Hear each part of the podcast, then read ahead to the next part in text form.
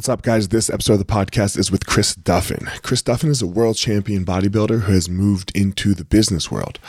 Um, at one point, he was in the corporate world and didn't like it, made a change in his life, and now he surrounds his whole business around this this uh, weightlifting movement. Movement, I think, is what he said. Uh, side of, of business where he, where he does what he loves every single day. We talk a lot about his upbringing and his very um, strange, I would say, uh, abnormal childhood, and how that led him to to have this this power that he has. So, without further ado, here we go, Chris Duffin.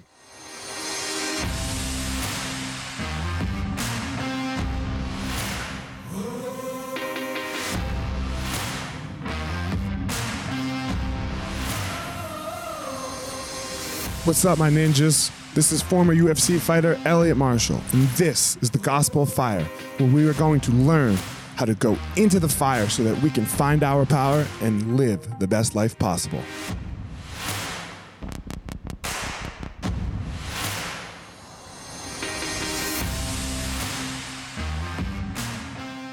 What's up, guys? Elliot here. Um, before we get started, I have started a Patreon account. Patreon is a place where you can go to help support the podcast. Uh, I would greatly appreciate it if you are finding it useful. I have one tier right now um, for the first 50 people. You will get all of the short hitters, all of the little inspirationals on Tuesday, Wednesday, Thursday. They're going to move behind the Patreon, so you, you'll have to subscribe to get them and then also a monthly ask me anything and a recipe and a jiu-jitsu technique uh, will all come directly to you. And that's it. So patreon.com backslash elliot marshall. And thank you all for your help. What up chris? How are you? Doing good my man. Looking forward to a conversation today. Yeah that's it's, conversating is one of my favorite things So, um, man, you are in the in the weightlifting field, yes, bodybuilding, all kinds of, of things, uh, correct? Uh, basically, uh, human movement, strength, uh, things of those nature. Yes. All right. What do you call human movement? What do you mean by that? Um, I just mean, you know, how our body is supposed to work, um, you know, in space and how the demands of uh, load affect that. So, strength training at its core, but it's it really comes down to how we how we generate force uh, and and so it's uh, people you say strength training or lifting weights and I think just in the gym and it's like no I I deal with basically nearly every major league baseball team uh, NFL NBA Tour de France Olympic throwers uh, we we work all over the place because it is the same, say, the, the same concepts apply. How we stabilize and manage uh, our torso and spine. How do we uh, use foot mechanics? How do we use all these sorts of things? And that's and that's how I became very good in the field that I of lifting weights. Uh, so I'm kind of known, you know, as a a figure for what I've accomplished, but my companies and what I do are actually surrounding biomechanics essentially. Man, that's so interesting because you're combining, you know, like when you send your bio over, it's powerlifting, right? Yep. Like, well, that's that, that's the bio that I got, you know. Um, but you're talking about uh, Tour de France, and these two things couldn't be farther farther from each other, right? Like, like Lance or Armstrong. So people would think, right? Yeah. Right, right. Yeah. yeah. So that's my question. So how are they so similar then, right? Like, because as you just said, as as people would think. So, you know, you've got uh, Chris Duffin, and you've got I don't even, I mean Lance Armstrong left cycling, so who the fuck cycles anymore? But but you've got but you know somebody in the Tour de France. How do but you the the same you know the same how you recover from a workout, how you recover from injury. Those are some of the areas I specialize in.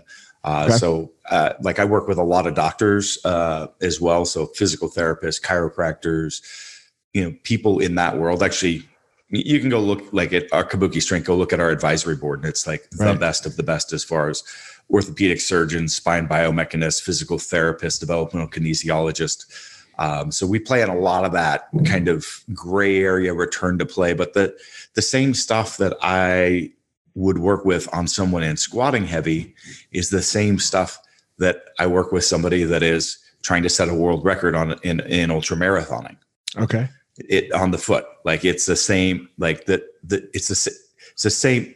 We all have you know there's differences, but it's still the same principles apply as far as how you use the foot in one area is going to be how you use it in another.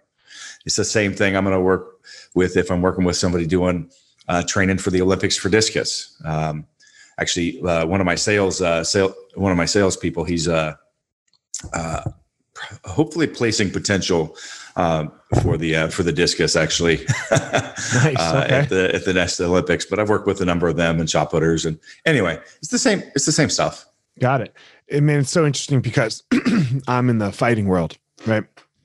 And I'm more of the grappling guy. Like I'm the I'm yep. the grappling teacher, but fighting is all about range control. If you can control the range, then you will win. And uh oh, you you know the other person could get lucky. You you'll have the best chance at winning. And the number one rules with fighting are I don't care where you are. If you are trying to punch someone, if you're trying to wrestle and take them down, or if you're on the mat, you're either, you're trying to do one of two things. You're trying to expose their back, or you're trying to expose their center line. And the process of doing one of the other creates the opening for one or the other. And that, and I don't. It doesn't matter which discipline you're doing. So uh, I kind of like the analogy here, where like the foot, you know, is just a very yeah. Simple- I, uh, I, I, there is. Gosh, I'm, I'm trying to pull up. I'm I'm terrible with names, which is ridiculous Uh, because uh, I, I am terrible at sports. I know human okay. movement, right? Okay. So, uh, like I said, I work with ninety over ninety percent of professional sports teams out there, uh, okay. and so work with a lot of athletes. You know, I know big name figures like you know uh, well, just in any industry like Dwayne Johnson, Thor, right, right, uh, right. LeBron. Like I can name some of those off, but uh, uh, there's a lot of uh, uh, ones in the MMA. I'm trying to remember. Like I, I, I work with Chael Sonnen.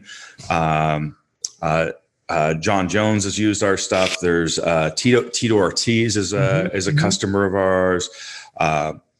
I had to pull up, you know, on that. Yeah, no, it's all good. Yeah, I, am like, just, I'm just scrolling was, through and like, what are what are the like? But the same the same things that we work with, you know, why we work with, uh, you know, basically all but three Major League Baseball teams, shoulder right. mechanics, right? So the th- stuff that we implement there and the products that we create are going to be the same thing as we relate to, you know, uh, somebody in uh, in, a, in, in an MMA type background, grappling. Right. Um, so it's like it's like, yeah, I, I know some of those people too. for sure. How did you get here? Like, what what's the journey look like for you? Like, when man, you, where did you grow up? How about we'll we'll start like young child Chris. Oh, we're gonna we're gonna jump right into the midst of it. Okay. All right. Yeah. So I I grew up homeless in the oh, wilderness. Oh, okay. So uh, we're talking forage room for food, uh, hunting animals, uh, we're talking living in condemned homes, grow in tents with your uh, parents, that, or no? Yes, yes, okay. with my parents. And this was a choice of theirs. Yes, it was. So they were very intelligent, um, very well read. That's actually all we had was uh, was was you know books. The library was our friend. We didn't have you know TV, radio, stuff like that. Uh, but uh, you know, before they chose that life, my my mother, uh, you know, had a had a scholarship to be a chemical engineer. She was top of her, you know, class at a giant, you know, school. My father was a member of Mensa. Like they were very intelligent people, but my mom did not want to be part of. She doesn't handle authority well and didn't want to be part of society. So she basically dropped out of school and moved into the wilderness, and that's what we did. And uh, so, like, the opening siblings? my book i cover this in my in my uh in my book uh the eagle and the dragon but it starts out with i think the first chapter is at six years old we're living in this this spot off the road we didn't have we didn't have a vehicle or anything and there's rattlesnake dens all over so we have beams lashed into the trees and our bedding is up there so that we can uh, uh, that's where we'd sleep without having snakes sleep into our, our, our, sleeping bags. So, so that was, that was my upbringing. So very, very unconventional, very different. You know, there is definitely times, you know, in homes and stuff like that as well, especially during the winter, we'd come in closer to, you know, so we could go to school, but oftentimes it might not have had electricity. It might not have had running water. It was, not what people are used to. We'll say. Did that. you go to So, public school? I did go to public school. And this public school is okay with this. Well, a lot of times they didn't know what was happening. Okay. So um, there was obviously my clothing was you know dirty and you know, a lot of times, but it, you know they don't know what's going on. Heck, I remember even in junior high we were living in Oregon, and we were living you know just camped down by the river, and I would just get take the bus to the last bus stop and then I'd hike for another mile or so up the road because it ended and the bus driver had figured this out. So he would he would drive me further all the way up to the dirt road uh, you know just on his own accord. He went outside their routes uh, so that i could uh, have a shorter hike on the way home. And you know you're just you're just a poor kid you know and you know people they may make fun of you in school because you smell a little funny because you haven't bathed properly your clothes are out of date you know maybe your toes are sticking out the side of your shoes or something like that so you're not exactly uh, popular what about friends? But- Did you have but friends? but uh, well we moved around a whole lot and so uh, friends is well that's that's an interesting topic so um, i i was very uh antisocial i guess or maybe not. I, had some i had some issues kind of early on. So when i was in in first grade i had a lot of trauma in my life uh, growing up. So um, you could imagine it's it's a different set of circumstances. And so one of those early ones kind of shut me down for for a long time. And that was you know i was in first grade and i was supposed to uh, you know i we where do i start? Um, i was going to stay at my friend's house every night for like a week straight. And i did it because it was a house. It was nice. They had tv and like i could take a shower and all this sort of stuff. And my parents got upset felt like i was maybe not upset but they didn't want to abuse the situation. So you know after like a week of doing this every night they're like hey chris you, you can't like do stayovers every single night at someone else's house and so i i was upset about it you know had a you know kind of a, a tantrum w- went home the next day i show up at school and get pulled aside by either the teacher or principal i don't remember it was first second grade but uh, the entire family their house caught on fire and they all died that night Oh my god. one night I didn't stay there. And so I didn't talk for like a year. And then it was probably a year later that the police came and got us. So, yes, they did something, right? So, something was reported, and um, the police came and found us in the wilderness and they took us into state care. And so I spent a year, uh, third grade, uh, in in in a foster home. And so again, really really tough time for me. Like out of nowhere, I'm just you know one day I'm I'm hanging out with my brother, my three sisters, and the police came and the whole you know my mom's in jail. Uh, my stepfather disappeared into the woods and you know we're all stripped apart into different areas and there's some pretty bad stuff that i basically happened during the course of that i, I kind of dive into um, that uh, it's too hard for me to kind of talk about so i really Yeah. don't cover that on podcast but if you if you want to talk and hear about uh, serial killers and human trafficking and stuff like that um, that's uh, it's covered in the book uh, as well which kind of came into play during this period of time Right. and so uh so yeah i didn't i didn't have a lot of socialization very early on and when i it really took a, a while it wasn't until really high school uh, we got some uh, stabi- stability. So we ended up parents got us back from the state we, this was because the, the the early upbringing was in northern california. So my parents were you know late 70s 80s early 80s they were growing weed. We were outside of humboldt up in the wilderness. That's why we didn't live around anywhere. And and so they decided to you know go straight as far as as far as not not participating in the drug trade itself uh, for a living i mean still a lot of alcohol and and occasional drug abuse and stuff like that going on but uh, so we end up in oregon and my stepfather had won a disability suit and got a little bit of money and bought a double wide mobile home when I, uh, I think like my eighth grade, ninth grade, uh, t- right in then. And so we finally had a stable place. Like it was not, like I said, there was no doors in the house. So we had to go through and hang up curtains across all the doors.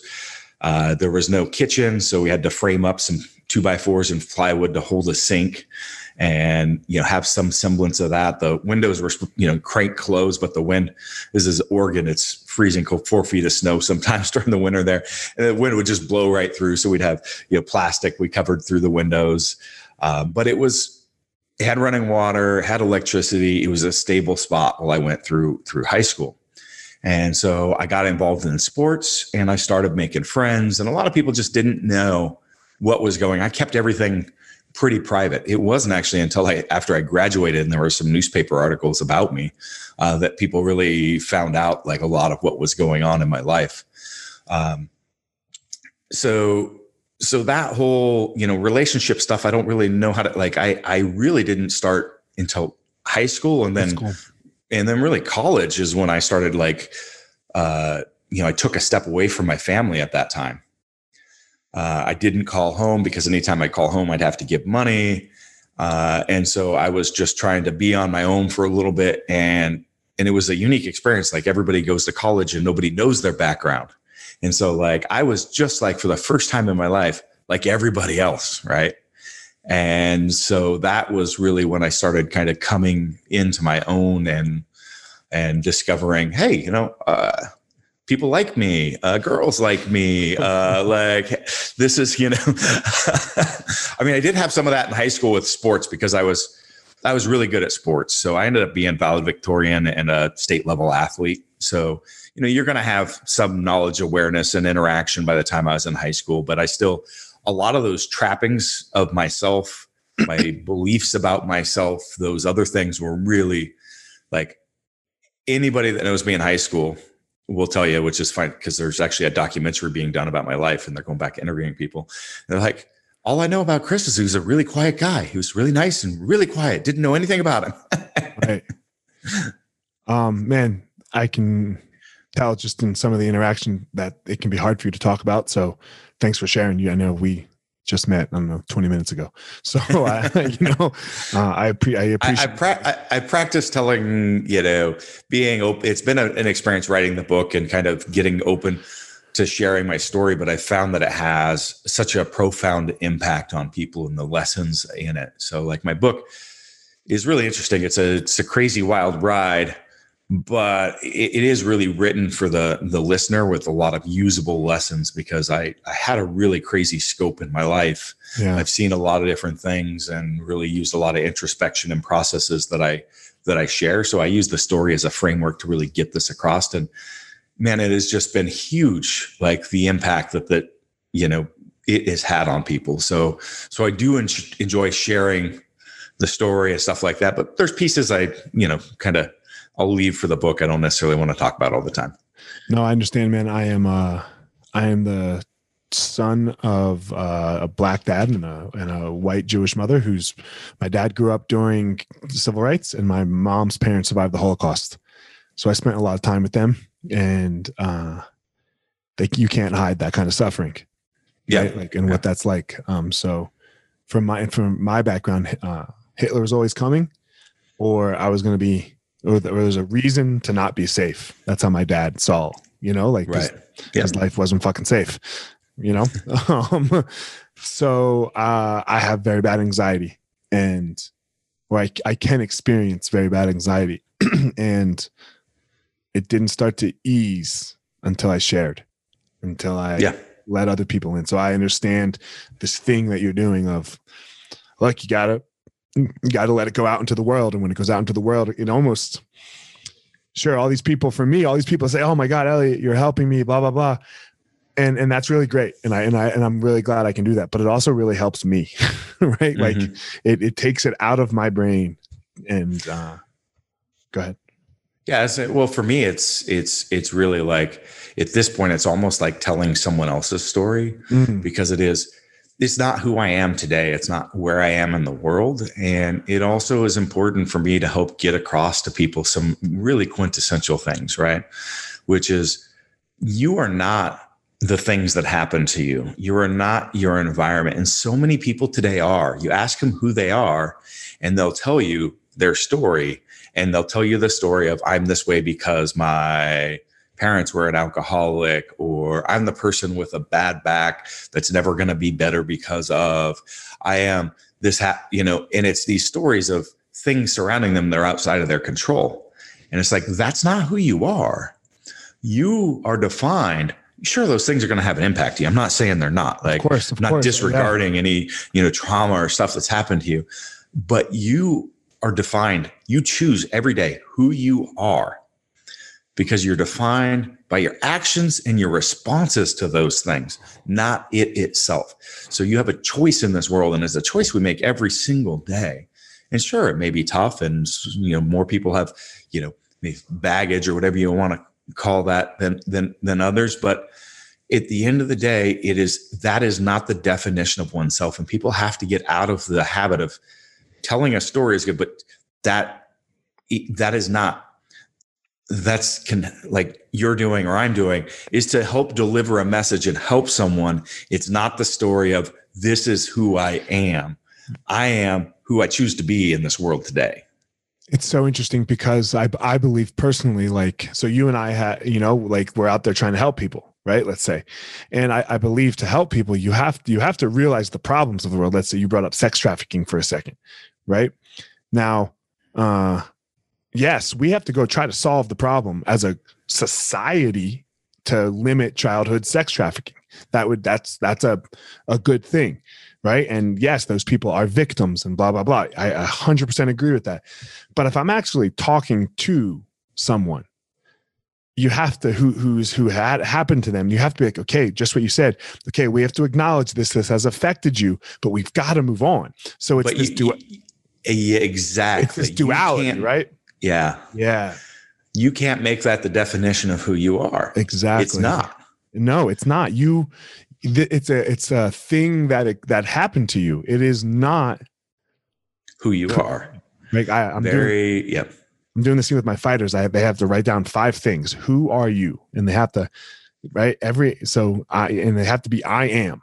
I am this you know and i do it with myself and I, and I really it's really helped me it's really helped them like yeah. what is the definition of chris duffin what is the definition of elliot marshall and and so and so and yeah and and, and here's the tricky thing it's not what you did Mm-mm. yesterday Mm-mm. so and uh, i relate this to like the I, I think i've got a, a motivational piece around working out or something like that i did many okay. years ago but it was you know you get to discover who you are every day. And so testing your limits, like getting in the ring, getting in the world, like all this, you actually get to explore what are the limits of your capability, who you are in that process. And no one else, no one else knows. No one else knows whether you put everything into that into that match that you had, right? Nobody know like that everybody could think you could make a show that you did, but nobody knows, right? And so it's this process of understanding our limitations or you know our boundaries our capabilities all these sorts of things is the process of self discovery and you don't know what those are unless you walk up to that edge and find it and test it yourself right? Every day. so yeah every, every day. day. every day. Because you could have done it 10 years ago but you're not the same person anymore. You're not I'm tough enough. You're not you know you're yeah. not you don't have the resilience to handle that. You don't have like and that's why it's important. It's not a certificate that you get to hang on the wall and go look, this is who I am. I did that. I can do that anytime. Well, no, maybe not. maybe not.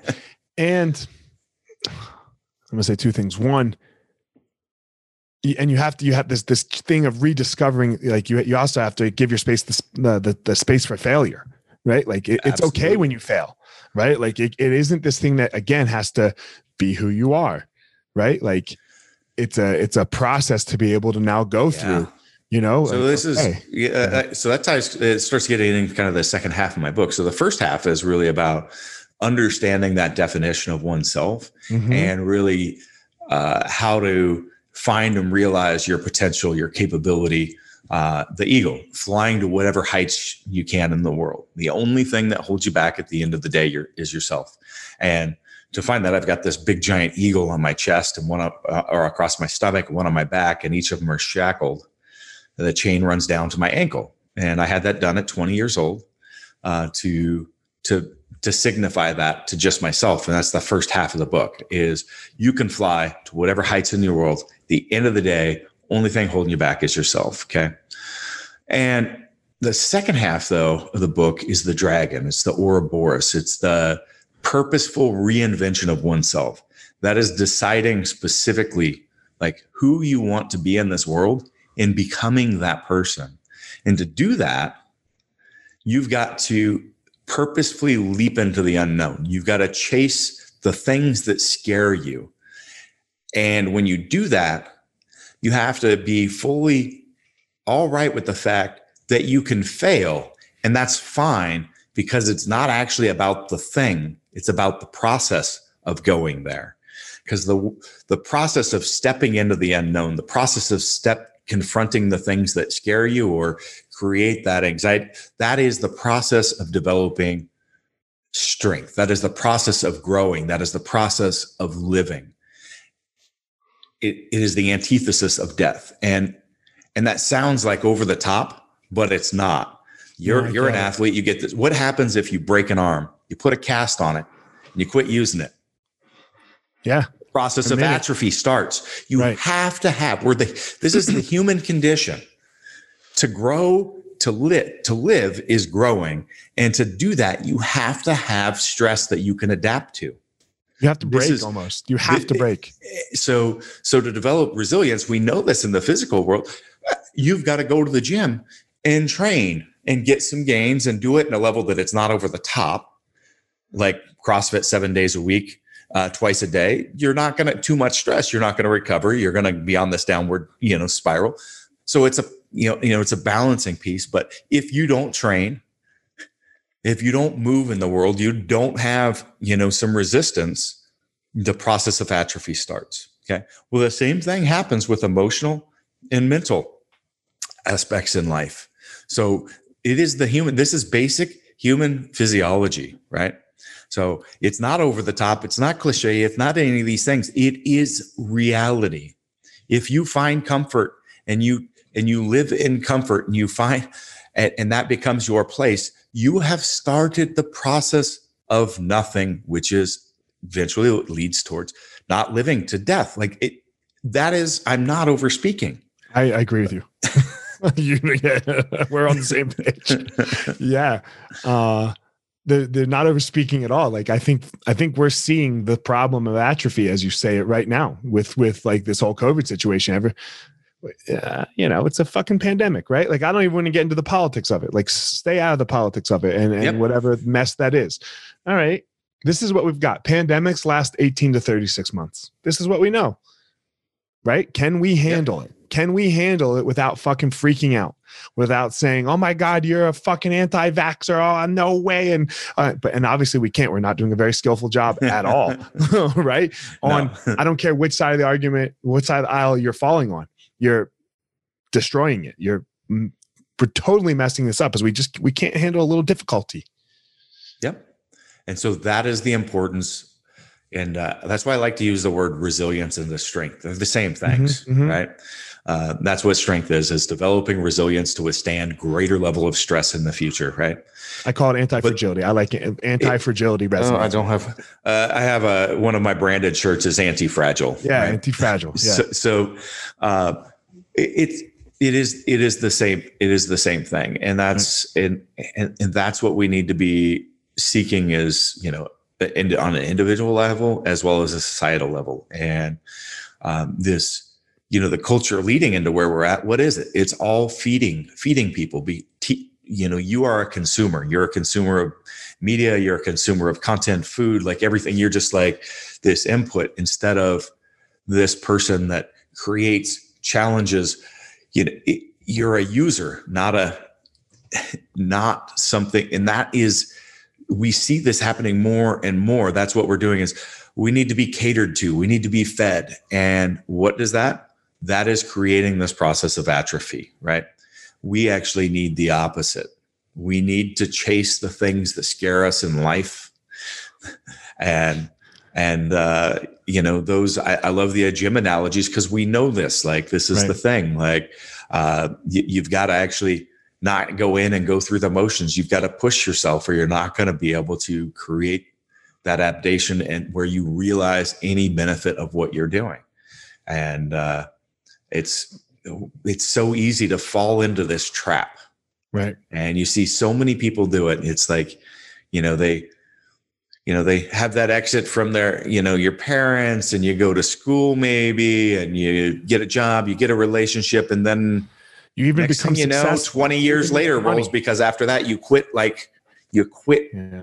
seeking those challenges and you i mean what's the worst thing get into your deathbed right and what what is the common theme if you ask people it's What do you mean? think think uh, what they what they regret about life what is the common Oh. theme that you'll hear? They didn't spend enough time with their family and their friends and there's and so many things that i so they many I wanted to do and just Yeah. never did Never never did, did, right and uh and and and that's the it's like uh, that I'm- it's I'm such not going to die like that. Yeah, there's no way. I'm not dying like that. I agree. No. Yeah. It's like, No. wow, I had a great, easy life of watching some TV and do it, you know, to, like and chilling, you know, just, yeah, that's nobody's think- ever said that. So I had this conversation with somebody that that uh, that's close to me the other day.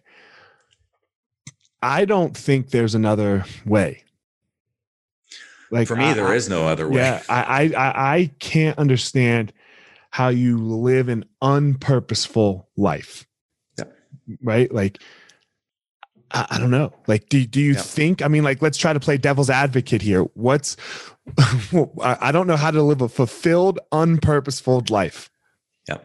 Well, uh, so a lot of people don't understand how to find purpose, Okay. and that's that's an issue. And so let, let, let me uh, let me just give the uh, the two minute iteration of the second uh, half of the book and Yeah. see what conversation that spurs. But Yeah. uh, you know, so fin- finalizing the Eagle portion, you know, I so I ended up going to school, and like I said, I didn't contact home for a little bit. Things got way worse. Uh, in so fact, like I ended up having to take custody of my three younger sisters and get them out of that situation. It was Okay. completely unacceptable. They were basically, you know, 12, 13 year old girls, but getting kicked on the street because they with nowhere to live. And the street where we're talking about is like it's snowing on the ground and you know, not a great environment. So I raised my three siblings while I finished my uh, my my engineering degrees, my MBA, and was chasing my career. And I ended up getting to this point. Well, not getting to point. I ended up being actually, despite my so my my my lack of socialization growing up, I ended up being a very effective leader apparently. And so I ended up growing into this executive type role where I was responsible for coming in, doing organizational change, and basically turning around entire companies, getting them prepped and sold, or things of those natures, taking a company from a, a regional to a national to international presence. So I did things like turning around automotive uh, and uh, aerospace manufacturing companies. Okay. Um, so I, I did some big, cool stuff for a long time. And around five, six years ago, I'm sitting there. I, I was also a strength athlete, lifted heavy things, was ranked number one in the world for like eight years straight, owned a gym on the side just so I could have the right environment because I knew environment was critical for my success.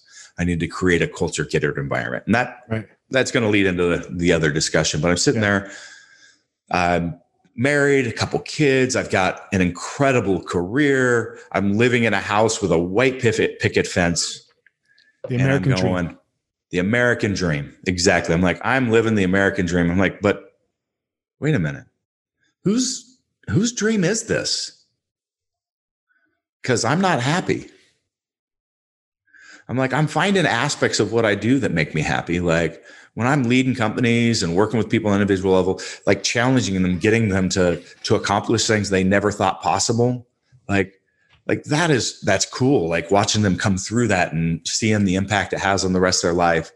Uh, I do that, and I was doing that. I'm coaching on the side because while I was, you know, training as an athlete, you know, I'm coaching individuals with me, and so that was like I love that piece. But I'm like, all this other stuff in my life is it was just me proving to the world that I could be successful.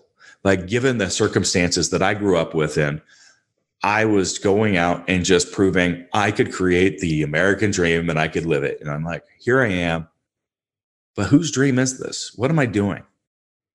And it's really started sitting back and, and asking myself these deeper questions. And this is something I think everybody needs to do, right? Is is really understanding your own personal values. And that sounds like so like uh, you know, blah, you know, I don't know.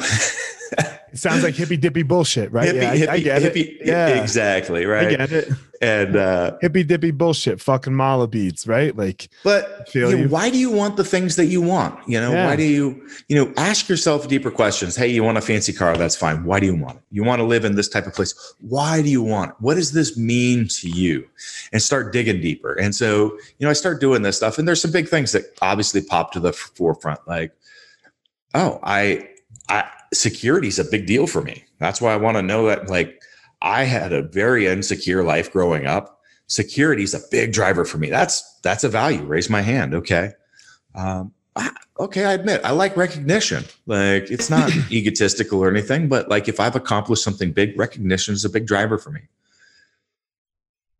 Being competitive, like having a competitive outlet, massive for me.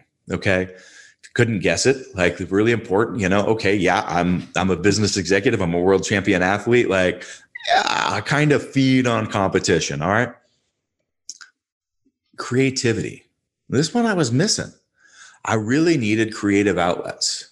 I really needed to be able to work and create the space, the people, the things like things around me, right?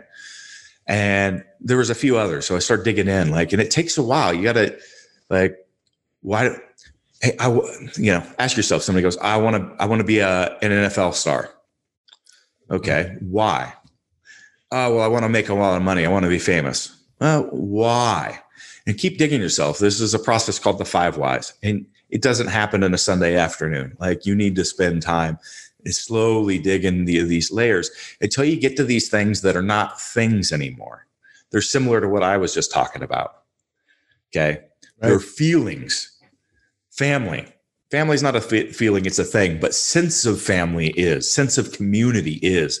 So I put that in. That's a huge one for me that I have to have in in my life is a is a is a big thing is to have this this my tribe my while it is a thing it is actually a feeling right so the other things like the sense of security the, the sense of accomplishment Well, I would say having what do you say, competition your tribe or your family brings that security. E- right? yes yeah For me, they bring sa- like my thing is safety, Yeah. right? That's one of my things because unsafe all the time, right? Yep. So I like an army, and I call I don't call it a tribe. I call it my my, my army. Yeah. you know, and my army keeps me safe in multiple um, ways. yeah uh, we work on team world domination at Kabuki Strength, by the way. So, but Fuck yeah. Once you once you identify them, there should be like around like five to seven Five like to of these seven, big values. And I'm just using values. I think there's a better word for it, but that's that's what I don't I'm think using. there is, man. It's a core value. Who, who, It- like you know, it's it- something yeah. that you live by. Like, what will you lose friends and money over? Right? Like, if Yeah. would you break this value if somebody offered you ten million dollars? Right.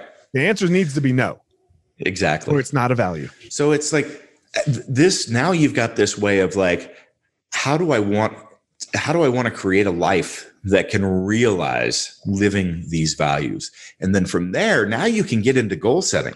Okay. Right. Now you can start like set and because people want to st- start with goals. They want to do, I hate freaking bucket lists, honestly. What's your bucket list? Well, to to pick a hundred things, to pick 25 things, like why that's the process of maybe like why do you want to do those things you, you can drive back in here but that's way ahead of itself so once you've got that now you can start like going and the the point of this this ties to the to the dragon the ouroboros yeah. which is the purposeful reinvention of oneself this is specifically deciding who do i want to be in this world and becoming that person right and so at that point uh, did I mention another one of my values is passion? Like I've got to be passionate about the things that I'm doing. Like I said, uh, I, and I, I, I've got to ha- I've got to be able to impact others. This leadership, the helping other people, like those are huge things for me. I was getting that out of my work, but I wasn't passionate about what I was doing outside of that. I didn't have the creative outlet. I also didn't have passion in my personal life as well. And I wanted that in all aspects I was missing. So, so I ended up walking away from this crazy good career, right? I walked away from it. I made changes in my friendships. I ended up uh, going through a divorce. Um, I'm luckily successfully remarried. I didn't plan on that, uh, but now I've got okay. passion in that. I wasn't willing to have a piece of my life that didn't have passion. I'd rather just not have that than not. End up finding it later, and oh my god, it is it is an amazing thing to be able to have a partner that is passionate about these sorts of things and living in the same way that you are and creating that together. It's life changing. Mm-hmm. Anyway, um, but that's when I started Kabuki Strength because I'm like, okay, I've got this knowledge on how to develop people, organizations. I also have this huge impact of knowledge, uh, piece of knowledge on human biomechanics. I had my engineering background, but I've been working through the years developing these relationships I mentioned, like our advisory board. Like I was teaching, uh, you know, courses at you know some some physical therapy colleges, chiropractic colleges, and seminars and things like working in this space. And I'm like, I know I can have so much more that I can help people like get out of pain and live a better quality of life. And this is what I I can't solve world hunger. I can't solve world peace. I can't, you know, end human trafficking. I can't, but this is something I can do. Like I can impact the world. I can leave this world a better space than where, and that is important to me. And this is how I can do it. And I'm like, you know what? I'm walking away from this career that is secure. And that's a big value of mine, walking into the other ones. But I, I need to get that back. I'm not going to have that. But I'm I'm able to pick up so many other other areas and then also have that creative freedom. And so so I launched Kabuki Strength and that is said it's been it's become a globally recognized brand. I kind of talked about who we work with at the beginning and won't rehash right. that, but like we're doing exactly that. Like and so um so that is that's why it's important. Like now every aspect of my life, my work, my play, every it's all intermixed. It's all the same, right? and that is just like this this crazy beautiful thing that i get to live that like people are like oh you're traveling for work or you're traveling for i'm like it's all the same like i like it's all this mix of living and living with passion towards the things that i want to in all aspects of my life and uh and i've got my three wonderful kids at home and like i i, I this is the process of walking through this stuff is huge. So the second half of the book is that it's the it's this purposeful reinvention of oneself and that's creating this for me and now I've created my own culture, my own community, my own tribe, right? Like that's built around the values that I want and it's it's insane. I have the best team. Like I I worked on big te- I have the best team I've ever worked with. You know why? We don't hire jobs we hire people that want, want to be part of what we're trying to do in the world. Do you yeah. want to be part of this team? Come join us and work on us. I don't care what your resume is. My, I you want to be part of this. We so right? res- yeah, we so resonate, man. I have martial arts schools, you know, because martial arts has been like the savior of my life, I would say. And um, we have seven. I have seven schools. Uh, no, I don't think one of my GMs has a business degree. Uh, the CEO of the company, yeah, he worked at a fucking pizza place before he started working for us, right? Like, yep. But we, they're my, they're my tribe, they're my army, right? So, like, like you yeah. said, like you don't need, uh, whatever it is you're gonna do. You don't, you don't need people that are. You, you need smart people, but you need you people need, that yeah. are on your team, like yep. that are that are like, I will do anything to make this fucking happen. Yep. It, the question is do they have the capability to learn and do the job? Right. Okay. Yes. Do they have the behaviors that I want present in my organization? Yes. Okay. And are they passionate about what we're doing? Yes. Want it get, that's yeah. what we that's what we hire to.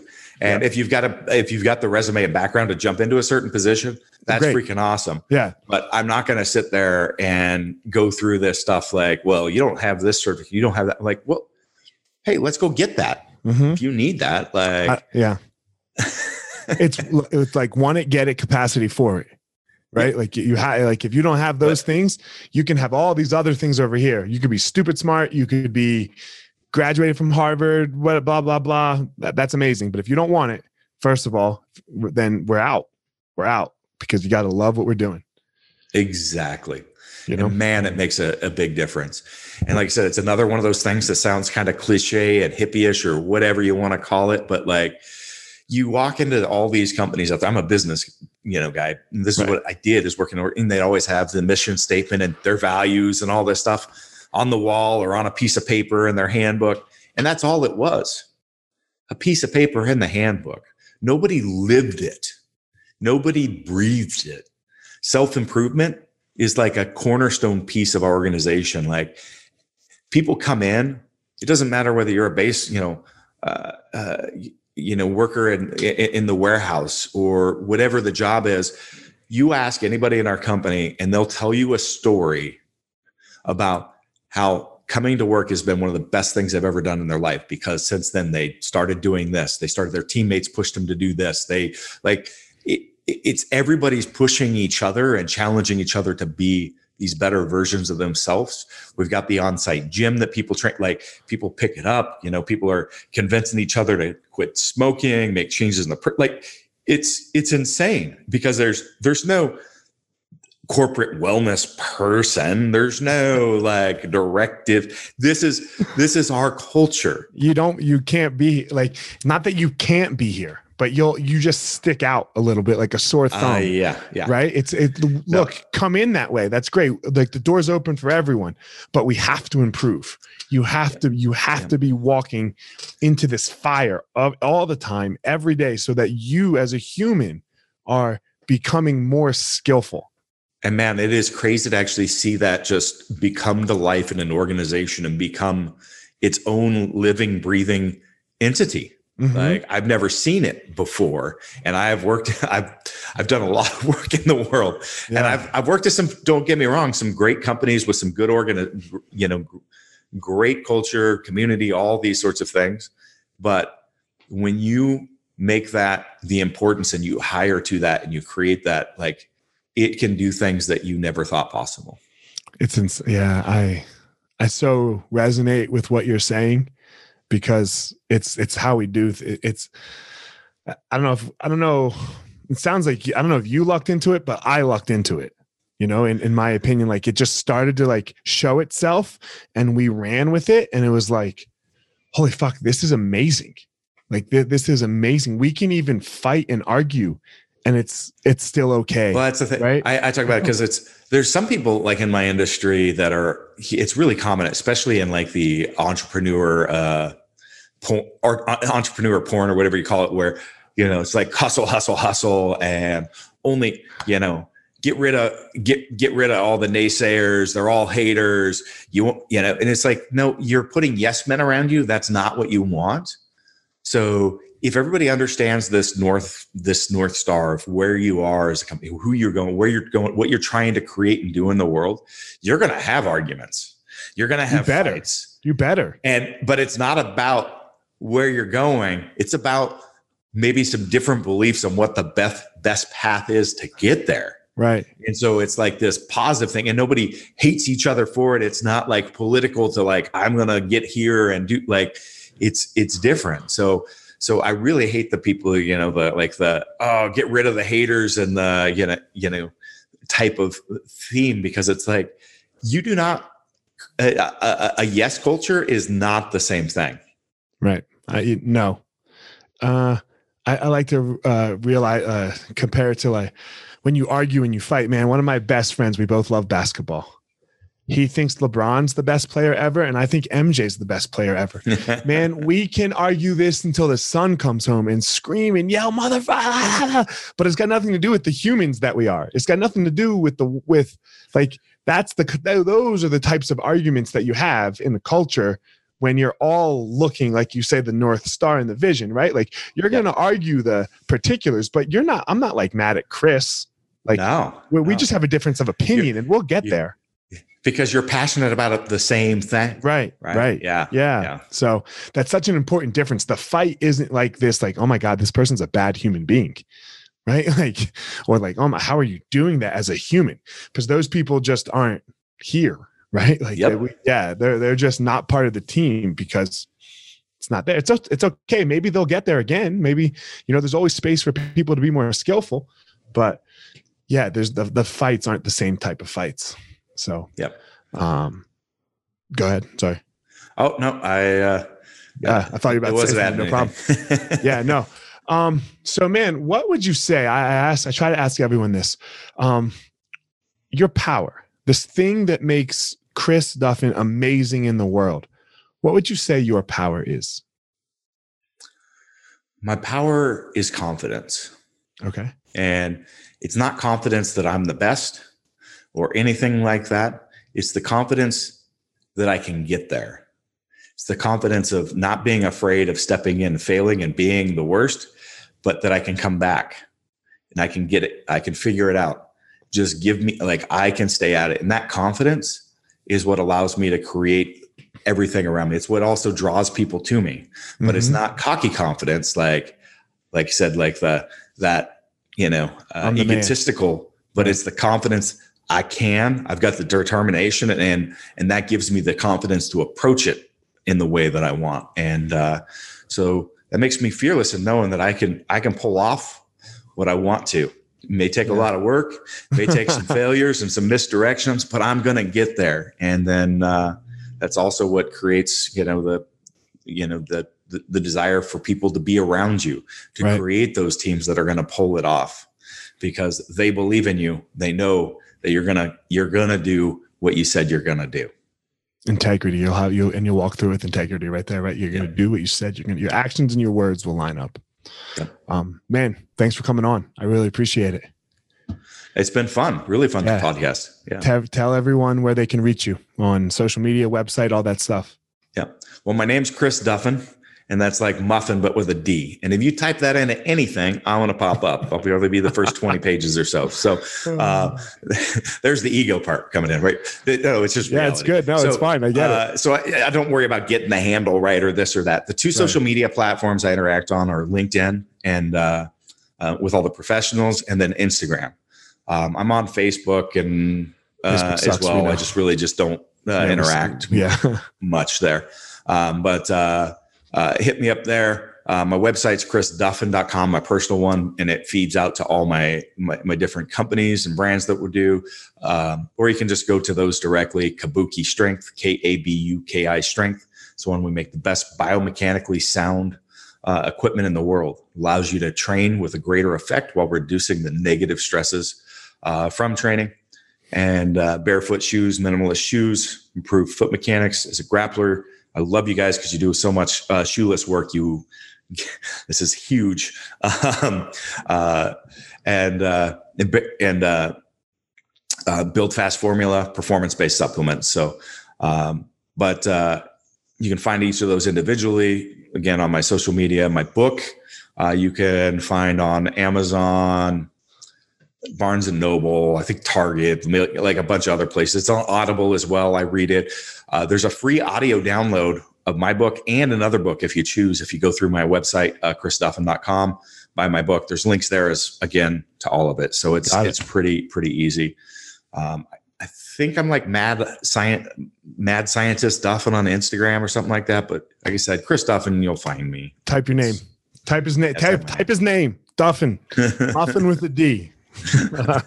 um, man, guys, as always, don't go out there and try to be Chris, and you don't go out there and you try to be me. Chris has his unique power.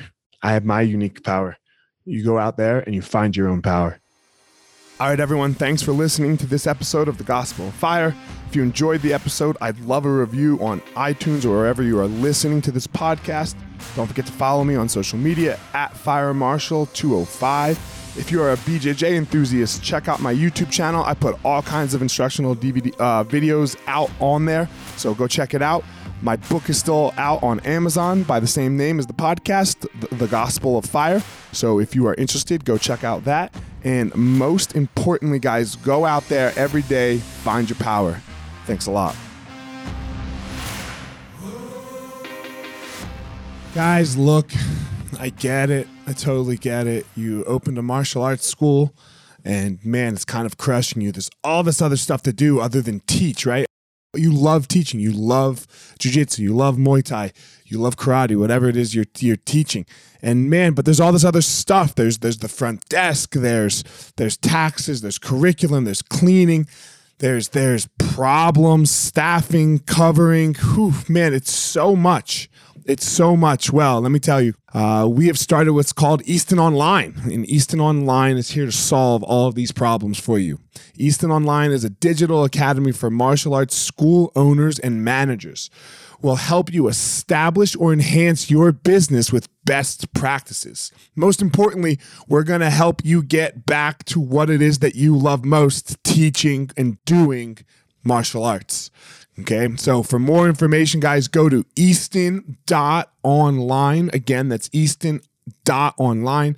Add your email. You're going to get notified about the course launches. Our first course is going to be all about the first impression specialists, your front desk, and all kinds of stuff, special offers, promotions, as well as we started a podcast by the same name, Easton Online, that's going to talk about our process of how how we went from a tiny little martial arts school to what is now seven martial arts schools, seven Brazilian Jiu Jitsu Muay Thai schools, um, in a very holistic way that we believe um, kept the integrity of the art and also deals with its people very well. So again, Easton.online, enter your email and you're gonna get all you're gonna get everything you need right there. So thanks, guys.